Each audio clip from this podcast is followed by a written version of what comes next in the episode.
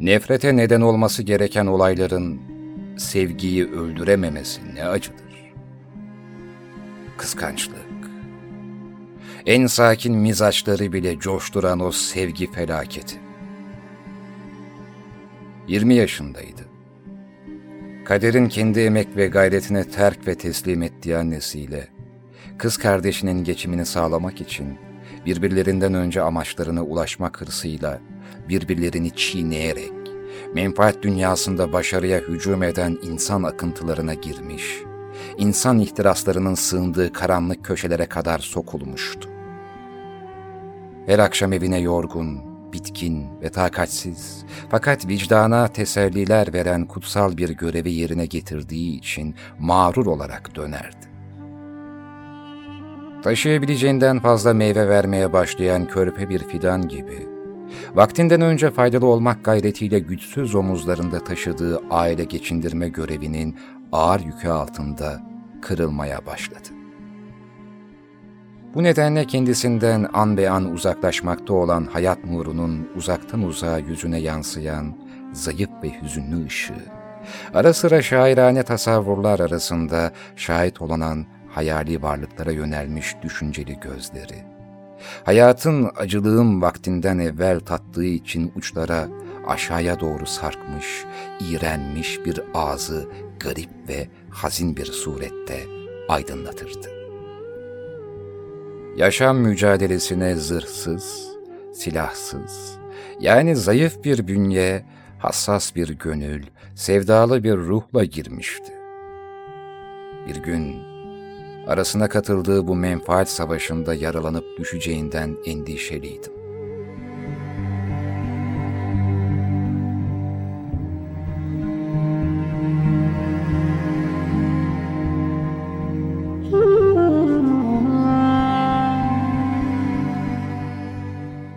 Hayaller çağı olan 20 yaşının en dehşetli darbesi. Meğer aklını başından alan bu tebessüm, kızın o küçük, o güzel ağzının bütün üst dudağının biraz kısa olmasından kaynaklanıyormuş. Meğer o eşitlikçi tebessüm kendisine değil, bütün aleme, bütün eşyaya aitmiş. Sabahın alacası, semanın lacivert yüzünde her dakika rengini, yerini değiştiren bir takım rengarenk sütunlar meydana getirmişti. Ruhunu mesleden o tebessüm, dudakları gibi gül renginde olan bulutların arasında yayılarak karşı taraftaki dağları süslüyor. Yine o tebessüm semadan süzülüp denizin küçük dalgaları üzerinde kıyıları sevdalar içinde bırakarak uzaklaşıyordu. Ay ışığı, uzak ufuklarda aşktan yorgun düşerek göğün mavi gözlerini öpüyor. Ağlamak, uğradığımız felaketlere karşı vücudumuzda kalan son kuvvetin bir feryadı. Ağlayamadığımız zamanlar bizde o gücün de mahvolduğu vakitlerdir ki onun yerine kaim olan acılı bir sükunet en şiddetli acıların hasıl ettiği gözyaşlarından bile daha yakıcıdır. İlmi kıyafetin önemi inkar edilemez. Bir alimin varlığın iç yüzüne bakışıyla, bir şairin kainata bakışı aynı mıdır? İlkinin gerçeği araştırmaya adanmış bakışlarında küçük bir kırgınlık, büyük bir sükunet görülürken, ikincisinin benzersiz bir cennetin hayaline dalmış kararsız gözlerinde bir hüznün, bir ıstırabın varlığına şahit olunmaz mı? Şairlerin, alimlerin en büyük eserleri öfke ve üzüntü halinde yazdıklarıdır.'' Küçük şeyler. Küçük şeyler işte ne bileyim. Dolgunuzun düştüğünü sanıp dilinizle kontrol ettiğinizde onu yerinde bulmanız gibi. Gece geç vakit apartman giriş kapısında pek çok anahtarınızın arasında kilide ilk soktuğunuz anahtarın kapıyı açıvermesi gibi. Unutulan sigaranın örtüye düşmeyip gül tablasının kıyısında kendini tüketmiş olması gibi. Küçük şeyler, küçük şeyler işte ne bileyim. که خوردم از دهان بندی در این دریا در این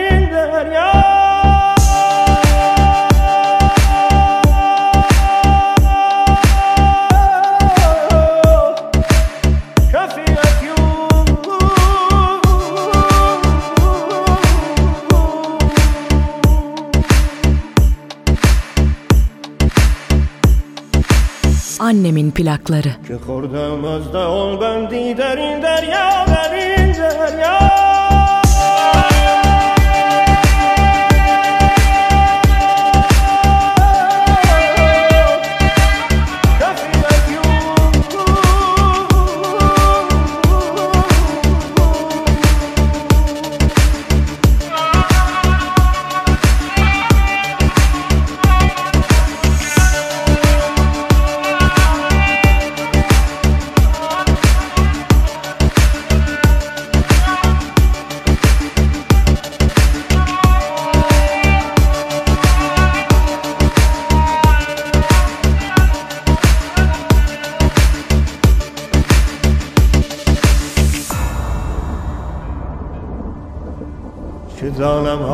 های بسیار است چه دانم های بسیار است لیکن من نمیدانم Annemin plakları. که خوردم از دهان بندی در این دریا در این دریا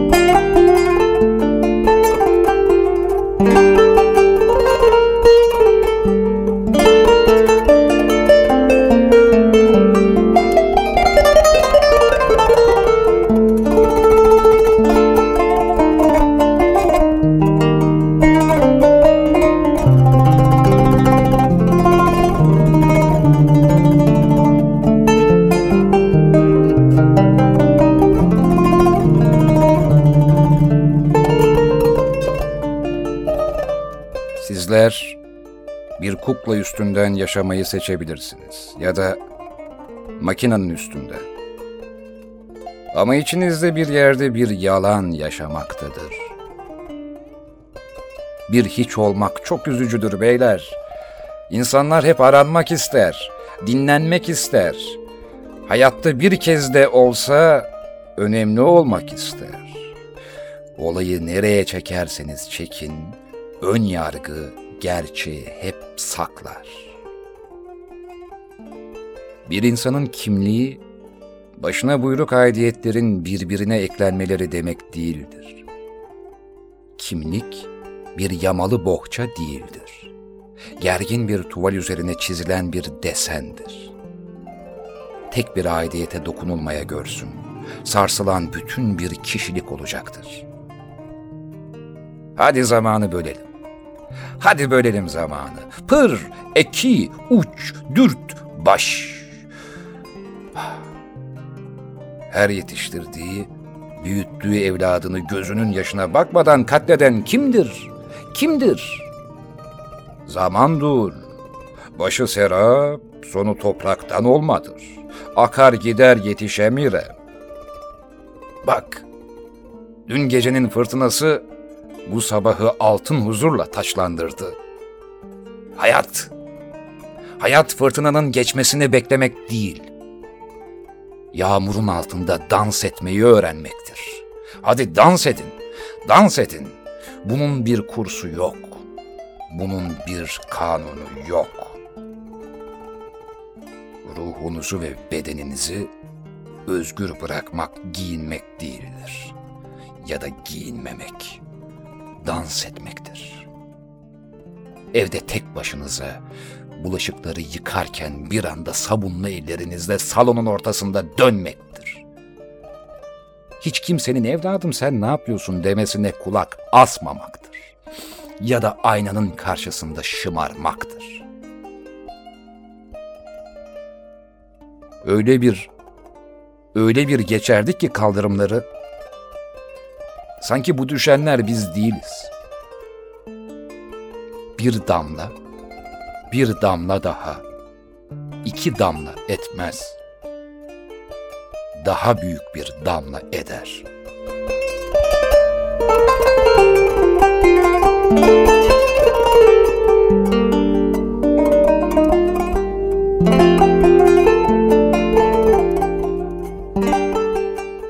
Sürekli kendine ne bildiğini söylüyorsun.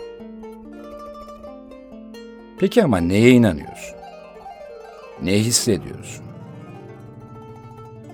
İnsan ruhu inceldikçe, yani algı kapasitesi arttıkça, daha küçük, daha narin, daha zarif şeylere eğilim duyar. Oysa eğitimsiz, kaba ve küçük ruhlar haz alabilmek için daima kocaman, geniş, büyük, devasa, iri şeylere yönelirler. Büyük yapılar, büyük takılar, büyük arabalar, büyük eşyalar. Zincirlere vurulmuş bir kişiye ne gibi yarar sağlayabilir ki bir çift kanat?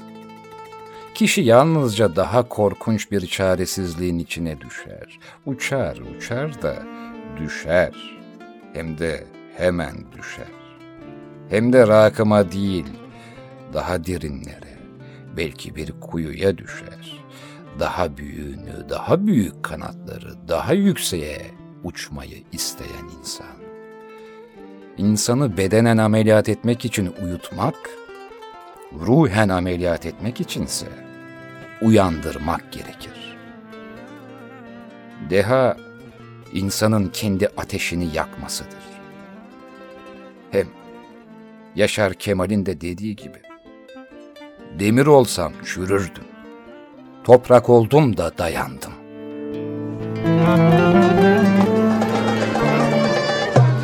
Batarken ufuktan Bir akşam güneşi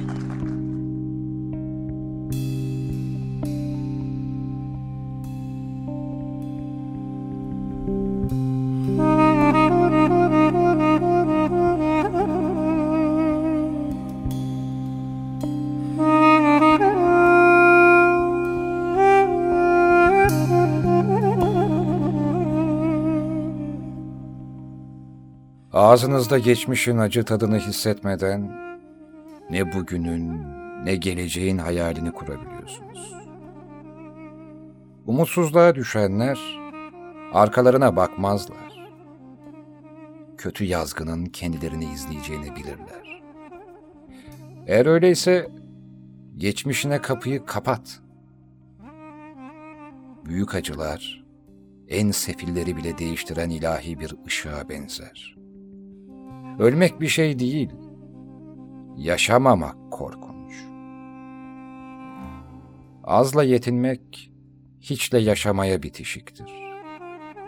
Birisi loş oda, ötekisi karanlık odadır. Zalimlerin çarkı, cahillerin çalışmayan kafalarıyla döner. Zaferler azaldıkça, özgürlükler artar. Hain kalplerin mutlulukları da karanlık olur. 14 yaşımdayken karnımı doyurmak için bir parça ekmek çaldığımda beni zindana attılar ve orada tam 6 ay bedava ekmek verdiler. Hayatın adaleti budur işte.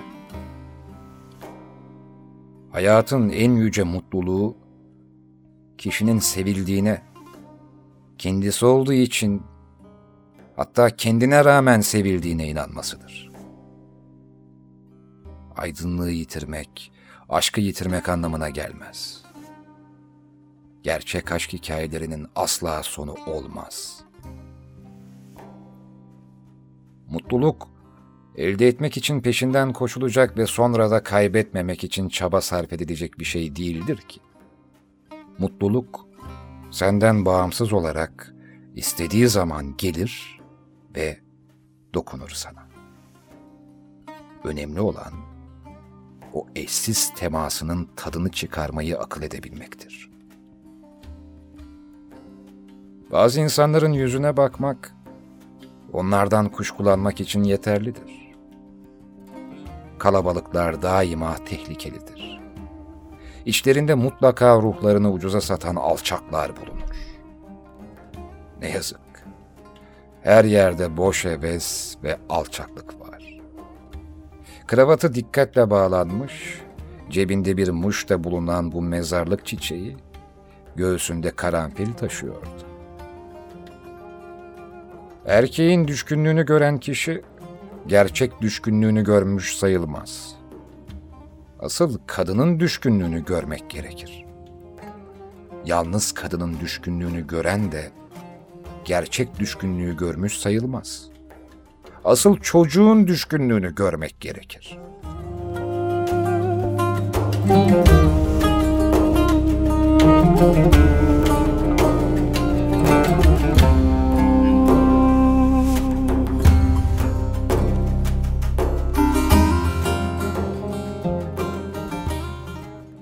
Deliliğe veya bilgeliğe saplanmış yahut da çoğu kere böyledir. Her ikisine de aynı zamanda takılıp kalmış kafalar yaşam konularının içine güçlükle girerler.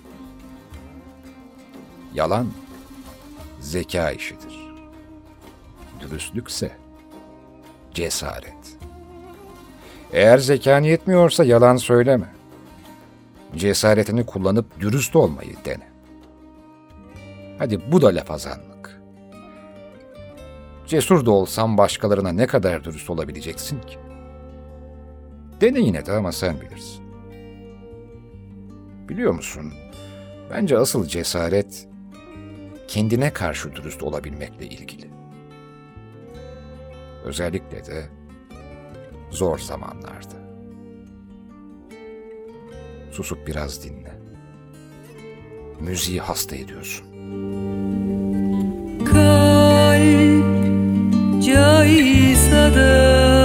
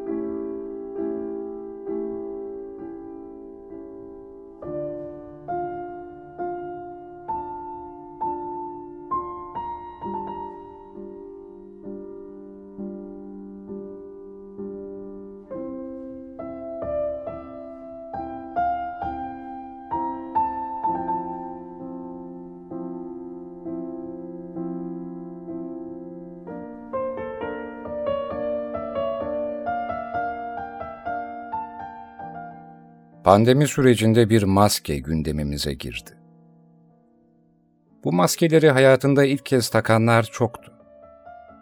Ve bu maske yüzümüzün yarısını, burnumuzdan itibaren suretimizin altını örtüyordu. Oysa maske ilk başta gözlerin üzerinde kullanılan bir şeydir. Ne bileyim gözü tamamen kapalı filmindeki o dönemin maskeleri gibi. Neresiydi? İtalya'da. Hı? Venedik mi? Bu yüzden sadece burnumuzun az üstünü ve ağzımızı örten bir şeye maske demek de hiçbir zaman içimden gelmedi. Ve bu sadece yüzümüzün bir bölümünü örten, nefesimizde başkalarının nefesinin arasına kurulan bir paravandı. İnsanlar maske adına ilk defa bu kadar çok sarf ediyordu. Maskeye ihtiyacı ilk kez bu kadar çok duyuyordu ve maskeli insanları ilk kez bu kadar fazla görüyordu. Tuhaf olan da bu zaten benim için. İnsanlar pandemiden önce de daima maske kullandıkları halde ilk kez bu maske bir nesneye dönüşmüştü. Ne dediğimi anladınız. Önceden hangi maskeleri kullandığınızı biliyorsunuz. Neşeli maskesi, dürüstlük maskesi, çok çalışkan maskesi gibi maskeler. Sadakat maskesi, bilgili maskesi, medeniyet maskesi gibi maskeleri vardı insanların. Ancak bu maskelerden hiç bahsedilmezdi. O maskelere dokunulamazdı. Dahası o maskeler eskimezdi. Biri çıkartılıp diğeri takılırdı. Böyle geçmiş zamanmış gibi bahsettiğime bakmayın. Her ne kadar pandemi maskeleri hayatlarına girse de o eski ama eskimemiş maskeler hala kullanılıyor. En çok da yüzün göz bölümünde.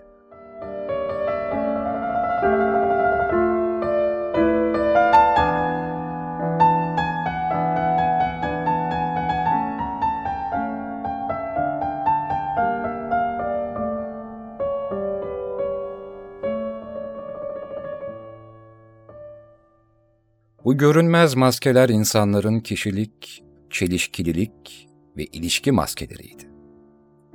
Tüm yüzü kaplardı. Hatta bedeni bile. Vücut dilinin bile maskeleri vardı. Şimdi bazılarımız isyan ediyor, pandemi maskeleri ifadelerimize gizliyormuş. Peki acaba daha önce kullandığımız o şahsiyet maskeleri asıl yüzümüzü gizlemiyor muydu? Bunu yermek için konuştuğumu düşünmeyin. Çünkü bunun doğal olduğunu düşünüyorum. Yani insanın iki yüzlülüğünün bir hakaret olduğunu düşünmüyorum. Çünkü insan iki değil, hatta yüz yüzlü bile olabilir. Bu iyi bir şey mi, kötü bir şey mi'yi konuşmuyorum. Sadece bu insanın tabiatında var diyorum. İnsanlar maskesiz birlikte yaşayamazlar. Bu ister acziyetten, çaresizlikten, ister kurgudan olsun. Sosyal olan hiçbir insan sürekli kendi olamaz. Bu yüzden ya göründüğün gibi ol ya da olduğun gibi görün telkeninin mümkün olmadığını düşünüyorum. Maskesiz yaşayabilen insanın maskesiz kalabildiği tek zaman yalnız olduğu zamanlardır. O bile sürekli asıl suretle geçmez. Üç kere aynada kendine baktığında, dördüncüde bir başkasını görebilirsin. Birkaç kere kendini hissedip, bir diğerinde kendini bir şeymiş gibi hissedebilirsin. Toplum içinde maskeli gezme halimizin dürüstlükle de çok ilgisi yok aslında.'' İnsan kendini sürekli dürüst olmaya zorluyorsa, ortada müzmin bir gerçek var demektir. Demek ki dürüstlük insanın huyuna çok uymayan bir şeymiş. Dürüstlük kişiye uymadığında yüzüne uyan maskeler bakınıyor insan. Maske takmak, maskelerimiz hep bir şeylere uyabilmek için, uyum sağlamak için değil mi? Kendin gibi olduğunda asıl yüzünle kaç kişinin karşısına çıkabilirsin? İş yerinde, arkadaşlarının arasında, ailenleyken sen hep aynı sen misin?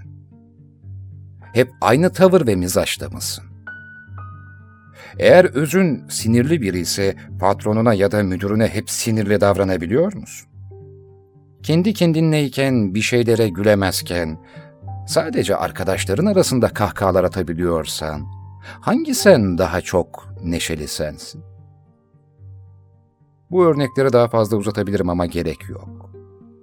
Daha yaratıcı örnekleri zaten yaşıyorsun. İhanet eden insanların uzun süre taşıdığı maskesinin düştüğünü görünce ne kadar zaman bir maskeye inandığınızın farkında mıydınız? Ya da daha basit, sanatsever birinin hiç de sanattan anlamadığını fark ettiğinizde bu ne yapmaya çalışıyor diye düşünmediniz mi?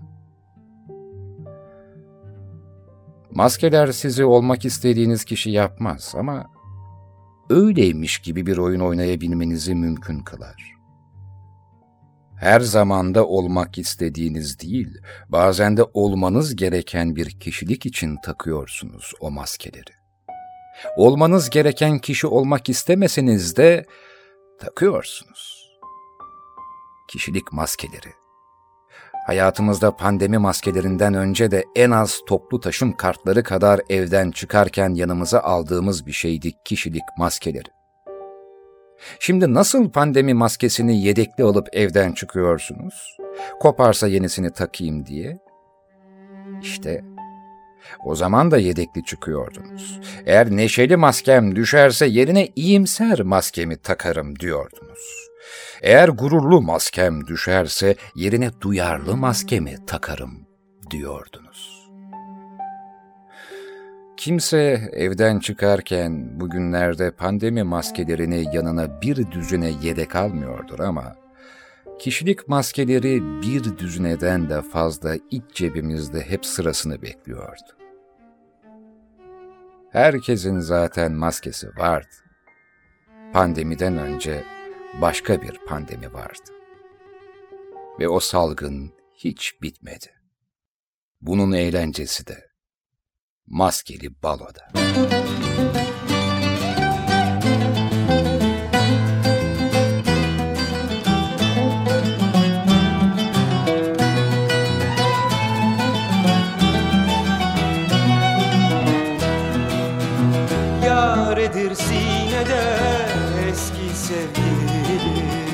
Eski sevgili eski günler. Hayata baksana takmıyor kimseyi. Hiçbir şey diriltmez artık geçmişi. Yaredir yine de. Yaktığım gemilerimi dönüş yok artık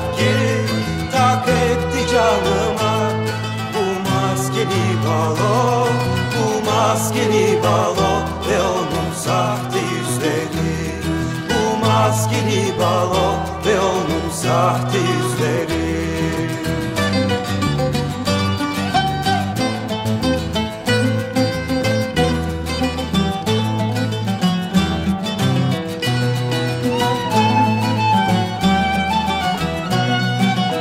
Annemin plakları. Yaredir sinede eski sevgili Ne yapsan kolay unutulmaz. Ağlama geçmişe yaşadık bitti. Anılar bizi yalnız bırakmaz. Yalnızız yine de. Yaktığım gemilerimi dönüş yok artık geri.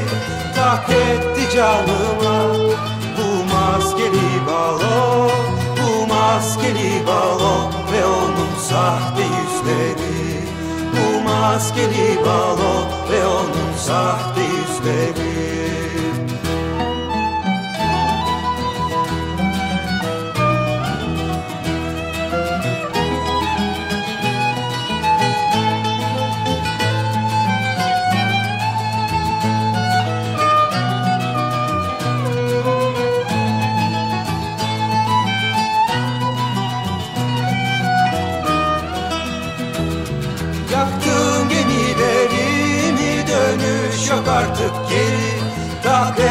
canıma Bu maskeli balo Bu maskeli balo Ve onun sahte yüzleri Bu maskeli balo Ve onun sahte yüzleri Şanlı tecridimde elektrik yüklü sinirlerimin muhteşem parlaklığıyla aydınlanıyorum. Hiçbir şey orijinal değildir. Hayal gücünüzü gazlayan, sizi ilhamla titreştiren her yerden çalın. Eski filmlerden, yeni filmlerden, müzikten, kitaplardan, resimlerden, fotoğraflardan, şiirlerden, rüyalardan, rastgele sohbetlerden, mimariden, köprülerden, tabelalardan, ağaçlardan, bulutlardan, sulak havzalardan, ışık ve gölgelerden beslenin. Sadece ve sadece ruhunuza seslenen şeyleri malzeme alın. Bunu yaparsanız işiniz ve hırsızlığınız özgün olur. Özgünlük paha biçilmez. Orijinallik safsatadır. Bunları yaptıktan sonra da hırsızlığınızı saklamakla uğraşmayın. Tam tersine değerini bilin. Godard'ın bir şeyleri nereden aldığınız değil, nereye götürdüğünüz önemlidir sözünü hep aklınızda tutun. Sanat gerçekçi olmalıdır. Samimi değil.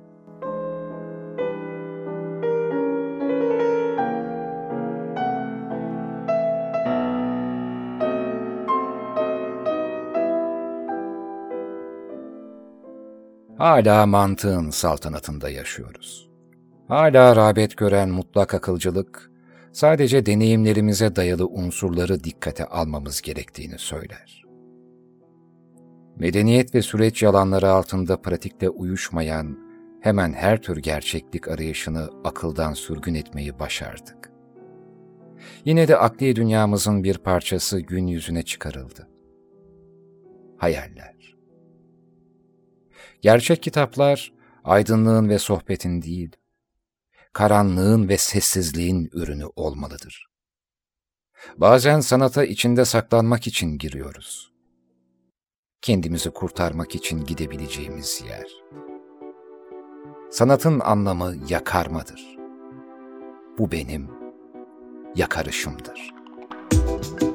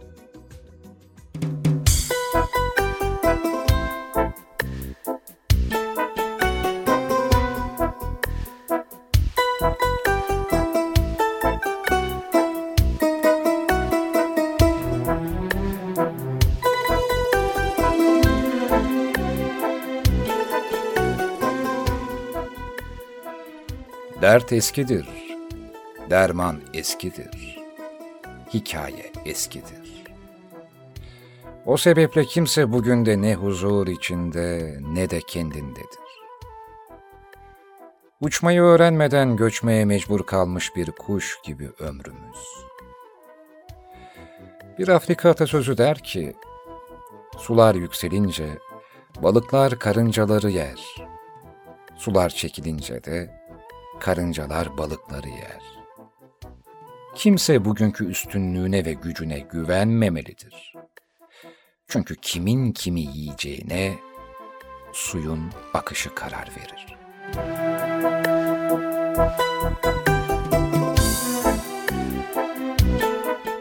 Neden savaşlar oluyor biliyor musun? Çünkü dünya insansız başladı ve de onsuz bitecek. Her insan bir uçurumdur. İşlerine bakmak yükseklik korkusu yaratır.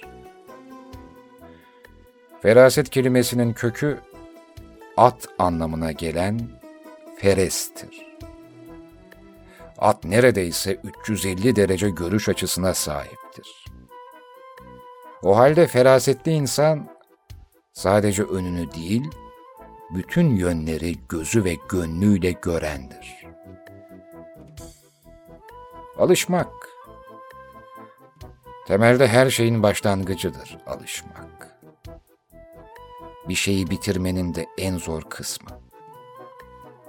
Kafasız doğan adam bundan sonraki tüm yıllarını kafasız doğan bir eş arayarak neslinin devamı için harcadı. Gururla kibir kelimeleri çok kez aynı anlamda kullanılsalar da başka başka şeylerdir. Bir insan kibirli olmadan da gururlu olabilir. Gurur daha çok kendimiz için beslediğimiz kanıyı belirtir. Kibirse başkalarının bizim için beslemesini istediğimiz kanıyı. Hiçbir şey yapmamış olsak bile korkularımız bizi hain yapmaya yeter.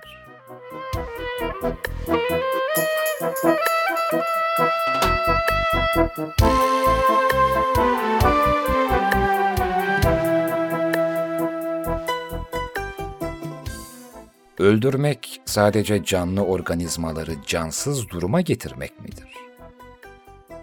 Aa, hayır. Asıl öldürmek canlı bir ruhu cansız hale getirmektir.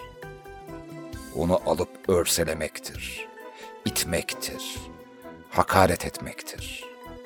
Haksızlık edip sesinin bile çıkmasına müsaade etmemektir. İşte bir ruh böyle ölür.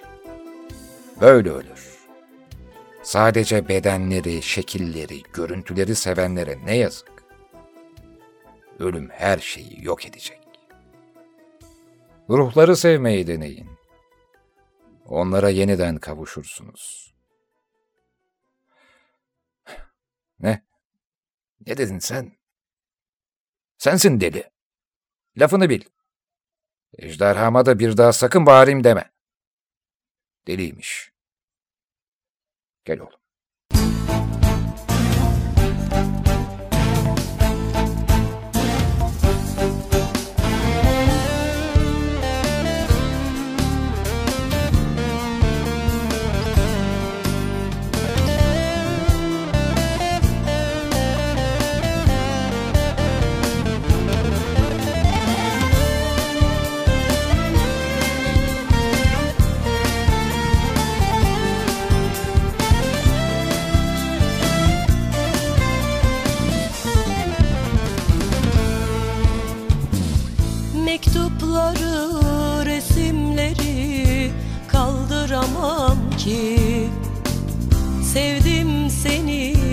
Başkasına yar edemem ki.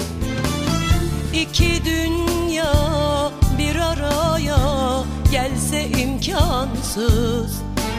Seni benden başkasıyla düşünemem ki. Sevgilim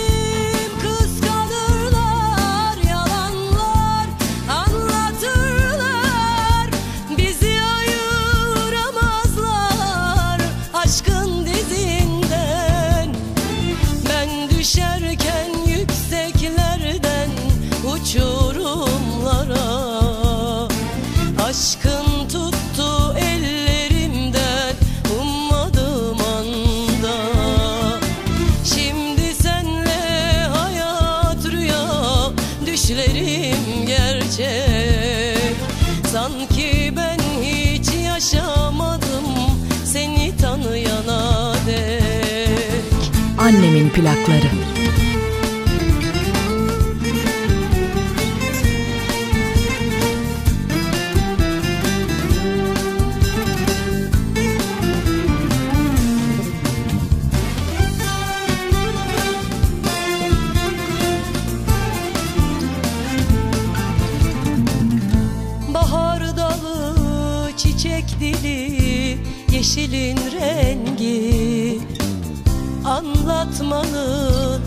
İmkanı yok güzelliği. Sana susuz açım sana, hastayım sana. Hiçbir sebep seni benden ayıramaz ki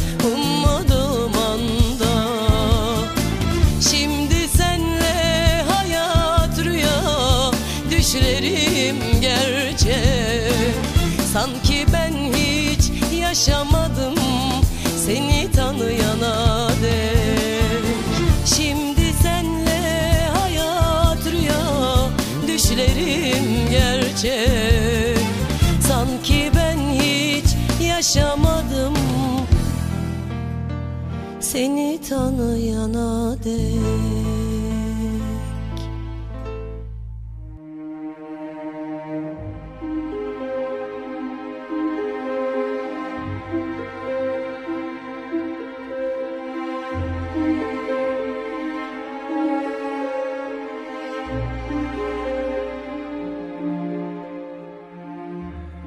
Victor Hugo devamlı kötülüğün cahillikten kaynaklandığını söylüyor. Ve kötülüklerde cahilleri cahil bırakanların payı olduğunu düşünüyor. Ve hatta şöyle söylüyor. İnsanlık bir kimliktir. Tüm insanlar aynı hamurdan yapılmıştır. En azından bu dünyada yazgı bağlamında aralarında hiçbir fark yoktur. Öncesinde aynı karanlık, yaşam süresince aynı beden, sonrasında aynı kül. Ama insan mayasına karışan cehalet onu karartır. Tedavi edilemeyen bu karanlık, insanın içini kaplayınca kötülüğe dönüşür. Cahillik karanlığında kabahat işleyenler suçsuz. Asıl suçlu olanlar, cehalet karanlığını muhafazaya sebep olanlardır. Madem cehalet karanlığı kabahatin işlenmesini icap ettiriyor, ilim ve terbiyesini halka bedava vermeyenler büyük bir kabahat işliyorlar demektir. Diyor Victor Hugo. Bu alıntıları yapmamın sebebi onayladığımdan değil. Çünkü ben böyle düşünmüyorum. Size anlattığım kendi yazılarımın dışında derlediğim her şeyi de onayladığımı zannetmeyin. Ama içimizde benim anlattıklarımdan sizin için onaylanacak ya da reddedilecek bir şeyler olabilir. Dolayısıyla sadece kendimi düşünerek değil, aranızda reddedecek, inkar edecek, ikrar edecek kişilerin olduğunu düşünerek seçiyorum bu konuları. Neyse, kötülüğün cehalet kadar basit bir meseleden kaynaklandığını sanmanın asıl cahillik olabileceğini düşünüyorum. Cahillik basittir. Kötülükse zekicedir. Evet, zeka ile cehalet farklı şeyler biliyorum ama cahil kalmak bazen sadelik, hafiflikken, kötülük yükü ağırlaşmış bir ruhun kendini bölmeyeceği için etrafı parçalamasıdır. Ben dünyevi ve insani bir cehaletin kötülüğüne değil, kadim ve evrensel bir ruhun kötülüğüne inanırım. Ben kötülüğe öyle inanırım ki, onun edebiyatla tarifinin yeterli olmayacağını bilirim.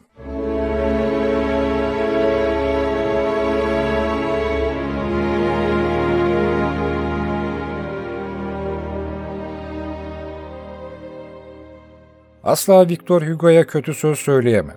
Ama sefillerdeki ana vurguyu eleştirebilirim. Ve bunun romanın yazıldığı dönemde öyle olduğunu da düşünmem. Hani evrensel yasadır ya, değişmeyen tek şey değişimdir diye. Bazı şeyler hiç değişmez. Kötülük mesela.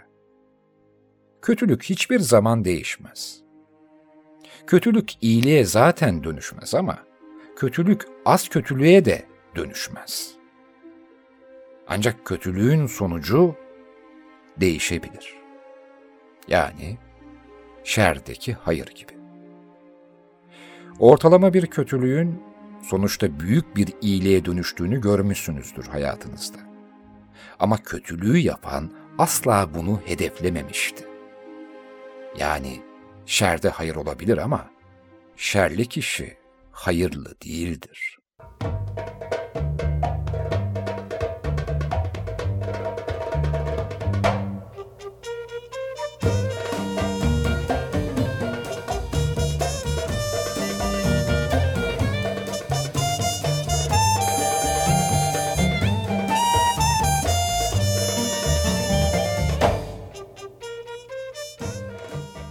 Evet, Victor Hugo'ya alerjim yok ama Pollyanna'ya uyuz oluyorum. Pollyanna kimdir bilir misiniz? Bütün olumsuzlukları, çirkinlikleri, kötülükleri içine atan bir zavallıdır Pollyanna. Üstelik ona üzülmüyorumdur da. Ben böyle insanlara üzülmem. Ben kendi seçimlerinin bedelini ödeyen insanlara çok üzülmem. Hikayede Pollyanna belki bedel ödememiştir. Ama o kitap da belli bir sayfa sayısına ulaştıktan sonra sonlanmış gözükmektedir. Oysa hikayesinin sonrasını, yıllar sonrasını bilmiyoruz.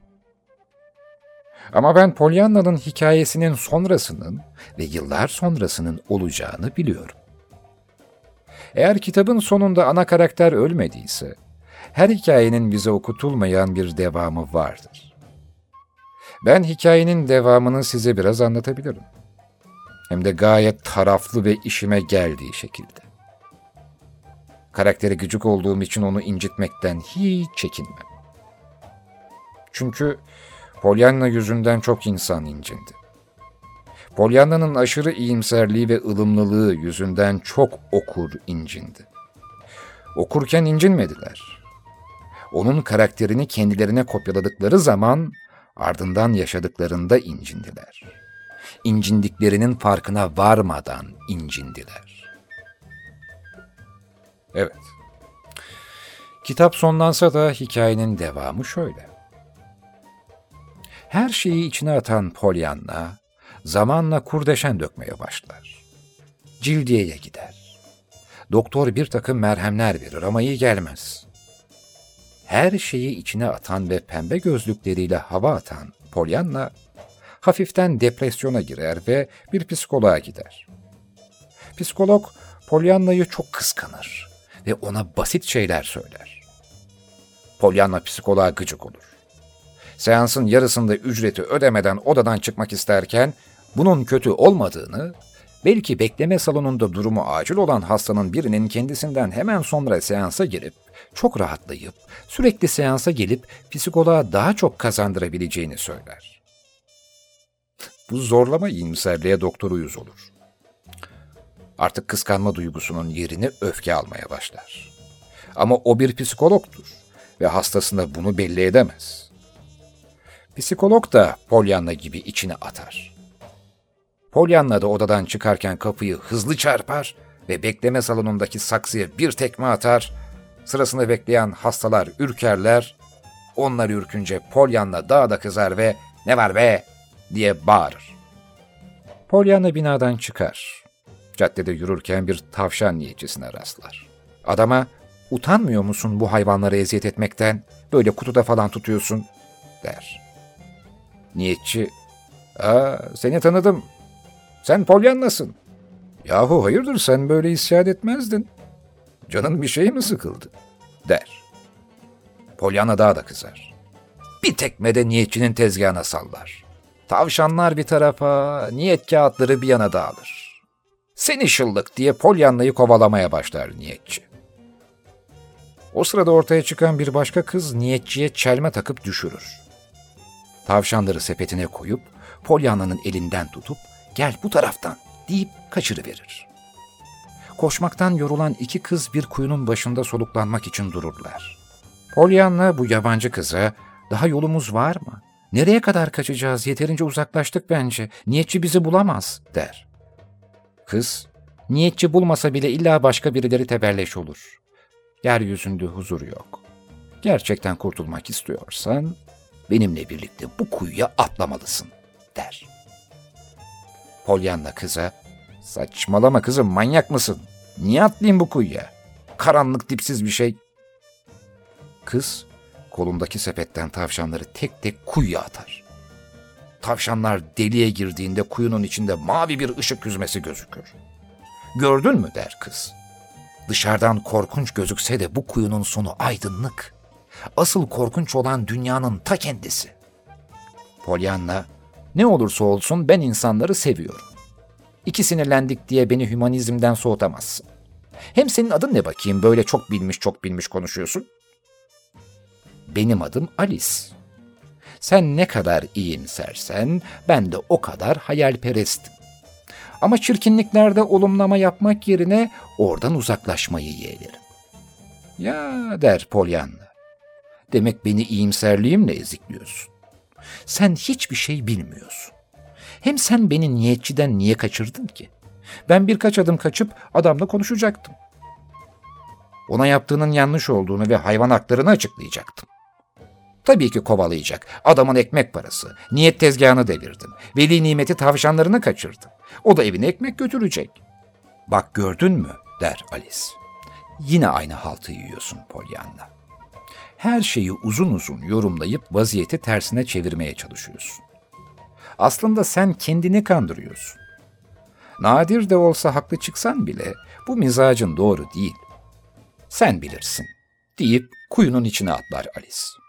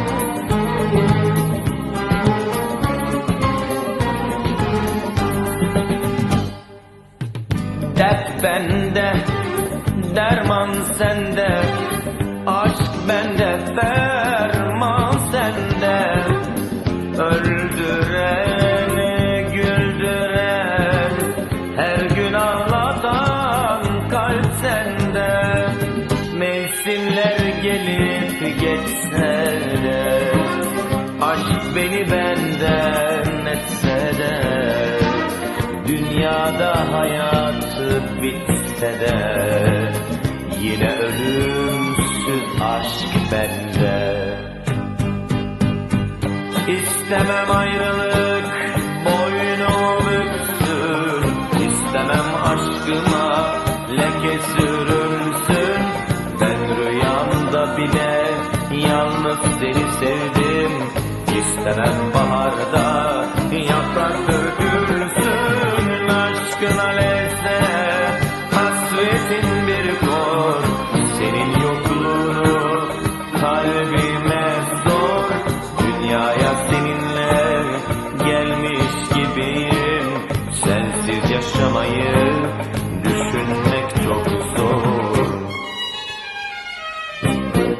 Annemin plakları.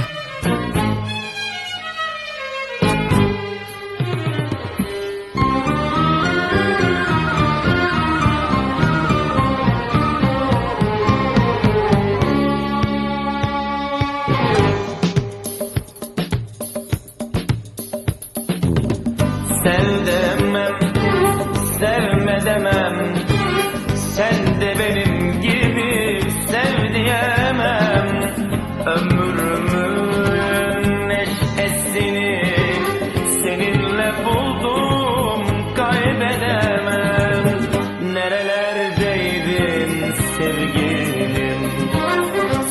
kader mi sakladı Yıllardır beklenen huzur Şimdi beni kucakladı. İstemem ayrılık boynu büksün. İstemem aşkıma leke sürülsün. Ben rüyamda bile yalnız seni sevdim Allah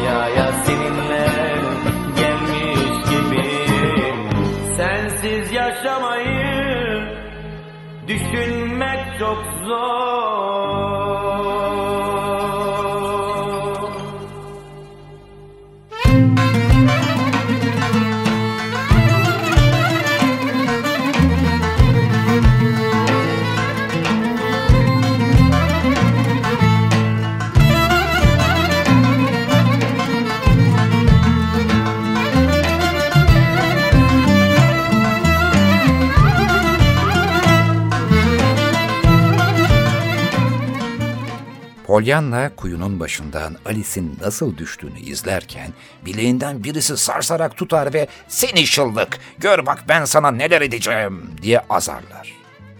Evet, bu niyetçidir. Pollyanna'yı bulmuştur. Pollyanna, ''Amcacığım, amcacığım, bırak beni gideyim, kötü bir niyetim yoktu. Hem fena mı oldu bak, tavşanların artık daha mutlu olacakları bir yere gitti.'' Niyetçi, ''Seni gördüm, Onları kuyuya attın değil mi? Sermayemi öldürdün. Artık tavşanlar yok. Doğru ama sen varsın kaldırım yosması. Gel bakayım benimle diye çirkinleşmeye başlar. Nereye gidiyoruz amcacığım falan diye Polyanlı vıcık vıcık şirinleşirken birden bir kadın ortaya çıkar. Ve niyetçiye uçan tekme atıp yere yağar. Polyanla'yı kucağına kaptığı gibi caddeye çıkıp minibüse biner. Pollyanna kadına, ablacığım sen ne yaptın öyle ya kilbil gibi? Hayırdır beni sakat bırakıp dilendirecek misin yoksa? Olsun. En azından serbest piyasada ekonomiye bir katkım olur belki diyecekti ki kadın Pollyanna'nın yanağına bir tokat aşk etti. Kadın, sus be salak. Olumlu olacağım diye ne kastırdım be. Tutarsız zilli diye azarladı bir de. Evet, bu kadın Virginia Woolf'tu kahramanlarımız bir biçimde karşı karşıya gelmişti. Şuursuzca optimist düşünen Pollyanna ile pesimistler kraliçesi Virginia Woolf İstanbul'da böyle karşılaşmıştı. Kader ağlarını örüyordu. Bu kontrasta ne çıkabilir ki? Bilmiyorum. Ama duvar dibinde şeker bir kızın dilendiğini görürseniz ve hiç de dilendiriliyormuş gibi durmuyorsa, halinden gayet memnun gözüküyorsa, bilin ki o yolu İstanbul'a düşüp birçoğu gibi bu şehirden vazgeçemeyen olumluluk cadısı Pollyanna olabilir. Ve sanırım Virginia Woolf bunu ona zorlamamış. Pollyanna kendi işini kurmuş. İyi de kazanıyormuş. Sonra paraları AVM'de yazıyormuş. İstanbul'da eski tren istasyonlarının yerinde yerler estiği için Virginia Woolf kendini Balat sokaklarında bulmuş ve oralara aşık olmuş. İntihar etmekten böyle vazgeçmiş. Şu sıralar internet üzerinden antika satıyor. Yani bir dükkanı falan yok. İkinci el eşya satan sitelerden eski bir daktilo falan aratırsanız, satıcı daktiloyu görmeniz için buluşmaya Balat'a çağırırsa, bu kişinin Virginia Woolf olması muhtemeldir. Alice içinse tavşan kız olmuş diyorlardı en son. Beyoğlu'nun arka sokaklarında gece kulüplerinde görmüşler birkaç kez. Bakmış ki böyle tavşanı kovalamakla ömür geçmiyor, o kovaladıkça tavşan kaçıyor. Bir gün aniden durmuş tam koşarken. Tavşanın da canı sıkılmış kovalanmayınca. Alice gelip evlenme teklif etmiş. Yürümemiş. Boşanmışlar. Zaten ondan sonra tavşan kız olmuş. Şimdi o kaçıyormuş, kovalayanı çokmuş. Bitti sanılan kitapların aslında devamı varmış. Ama kitaba eklenmemiş. Bir yerde bütün kitapların hikayeleri ve karakterleri birbirine rastlayabiliyormuş. Geçmiş zaman kipleriyle cümleler kurmak pek şirinmiş. Masal anlatır gibi oluyormuş. Masal herkese naif gelen bir türmüş ama insanların yalanı sevdiklerinin en sağlam deliliymiş. Çünkü masallar yalanmış. Yalanlar da masalmış. Bundandır biri size gerekçesini anlattığı zaman bana masal anlatma değişinizmiş. Miş, miş, miş.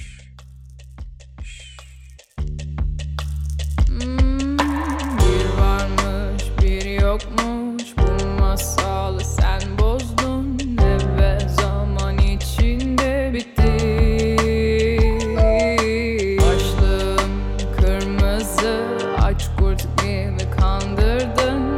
Saçlarımı sarkıttın kesip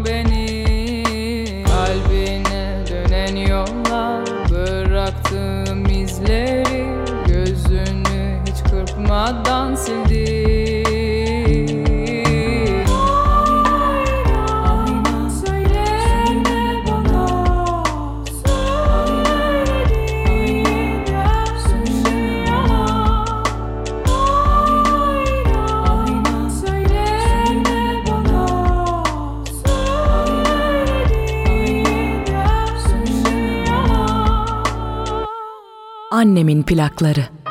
Kalbur zaman içinde kaybolduk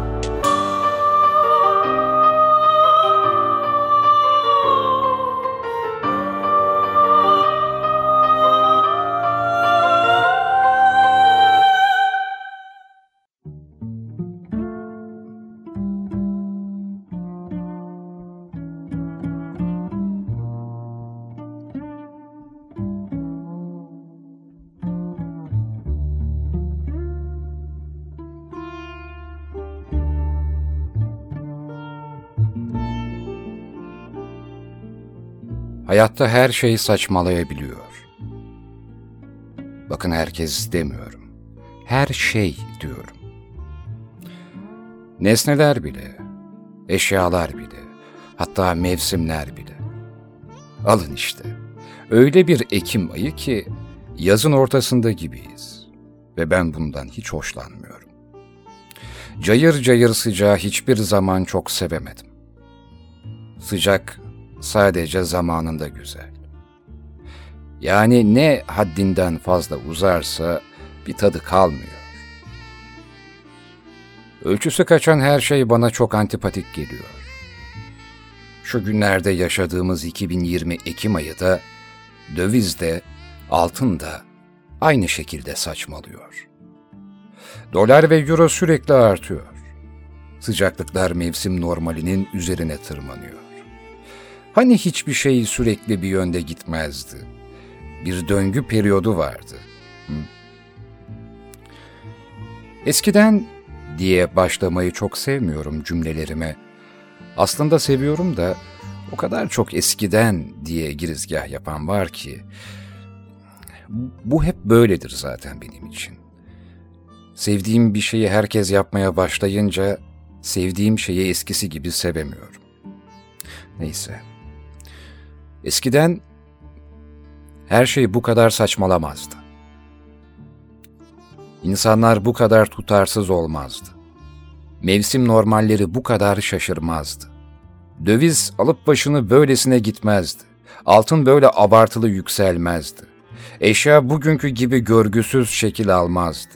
İnsanların tatili bugünlerdeki gibi şımarıkça uzatılmazdı.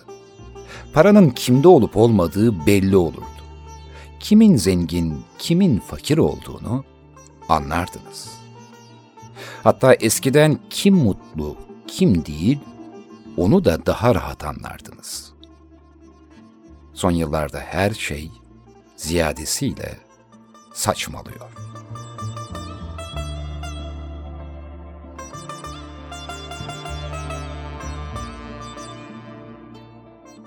Ha, diyeceksiniz ki, e işte mevsimlerin eskisi gibi yaşanmaması küresel ısınmadan kaynaklanıyor. Ya da doğayı mahvediyoruz, ondan oluyor böyle. Diye. Evet, doğru. Zaten bunu göz ardı etmedim.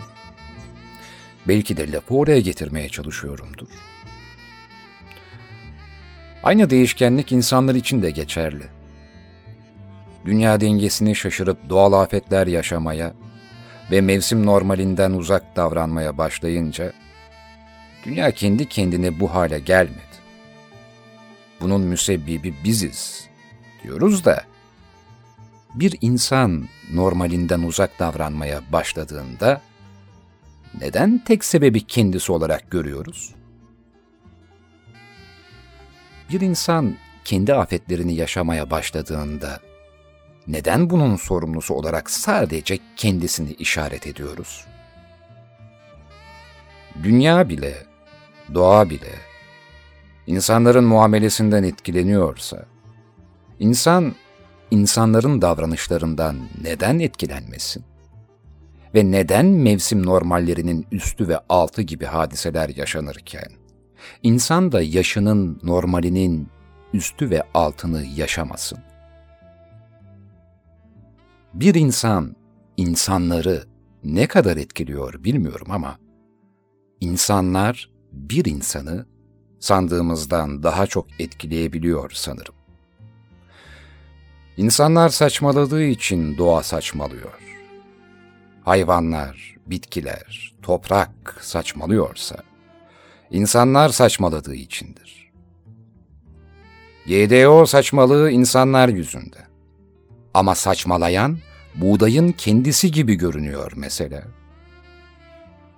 Toprak kaymaları insanların ağaçlandırmayı önemsememesi saçmalığı yüzünden, sel felaketleri, asfalt ve betonerme yapılardan insanların saçmalaması yüzünden, dolaylı yoldan çoğu zaman sorumlusu insanken, vakanın öznesi nedense hep toprak, yağmur, buğday oluyor.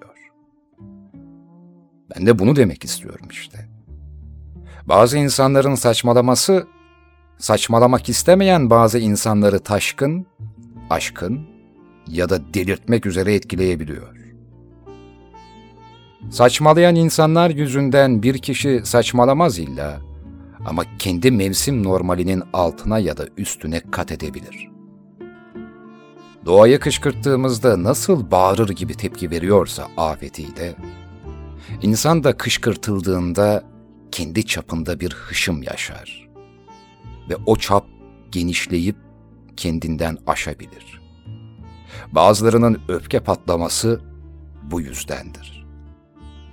Bazı insanların harareti, birçok insanın sünepe, zevksiz, edepsiz, hımbıl ve bakteri gibi yaşıyor olmasından kaynaklanıyor olabilir. Her zaman olduğu gibi yine bazen ve bazı vurgumu yaptığımdan emin olmanızı isteyerek de noktalayayım. Bazı insanların da demin bu anlattıklarımla hiç ilgisi olmayabilir.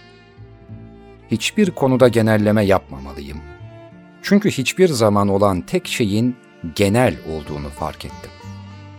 Genelin toplamın kaçta kaça olduğuna dair ise bir orantı yoktur. Bu yüzden kendi çıkarımlarımız sürekli dinamik, değişken. Bugün böyle düşünüyorum. Bugün böyle düşünüyorum. Seneye Ekim ayında belki farklı düşünürüm. Ama bu 2020 Ekim'inin mevsim normallerinin üstünde sıcak olması, hatta daha da saçmalayıp Ekim Ekim çöl tozlarının büyük şehirlere kadar gelmesi bana bunları söylettirdi. Televizyonun sağ alt köşesinde aylardır yükselen para ve altın değerlerini de görünce bu ne saçmalıktır diye yarı isyan etmişim. Diğer yarısı da kalın bir sistem olsun hadi. Umarım beni anlamazsınız. Çünkü anlarsanız ben sustuktan sonra da bunları düşünmeye devam edersiniz.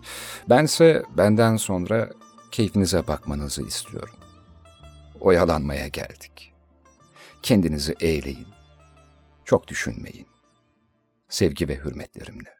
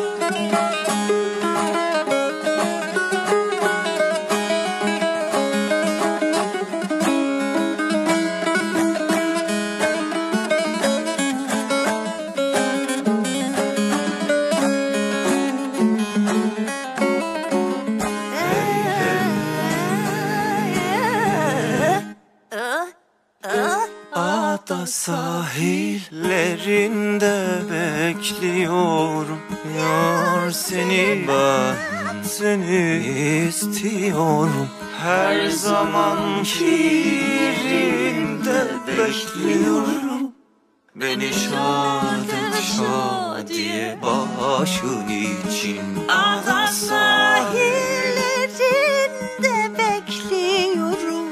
Her zaman yollarını gözlüyorum.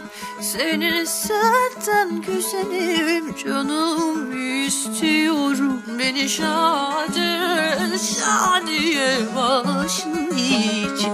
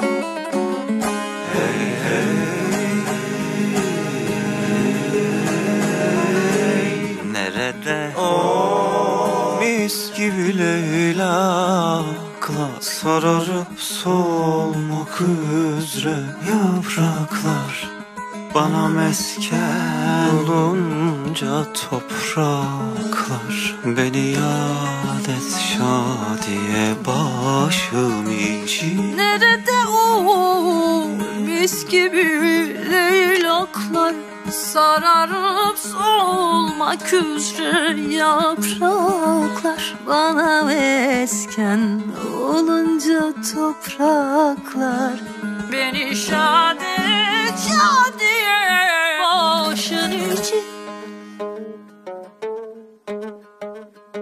Annemin plakları.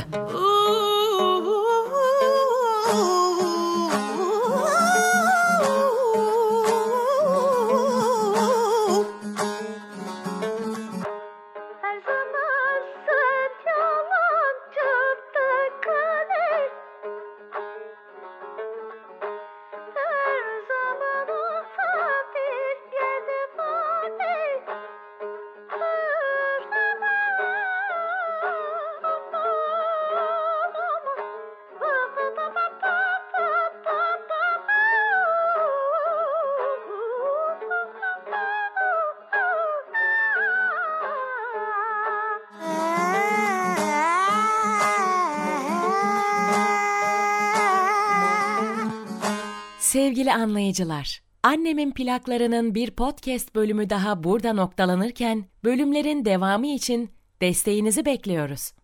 Çetin Erker'in hazırlayıp sunduğu yayınların sürdürülebilirliği için patreon.com ya da Patreon'un aplikasyonundan Annemin Plakları kanalına yapacağınız destek üyeliklerine teşekkür ederiz.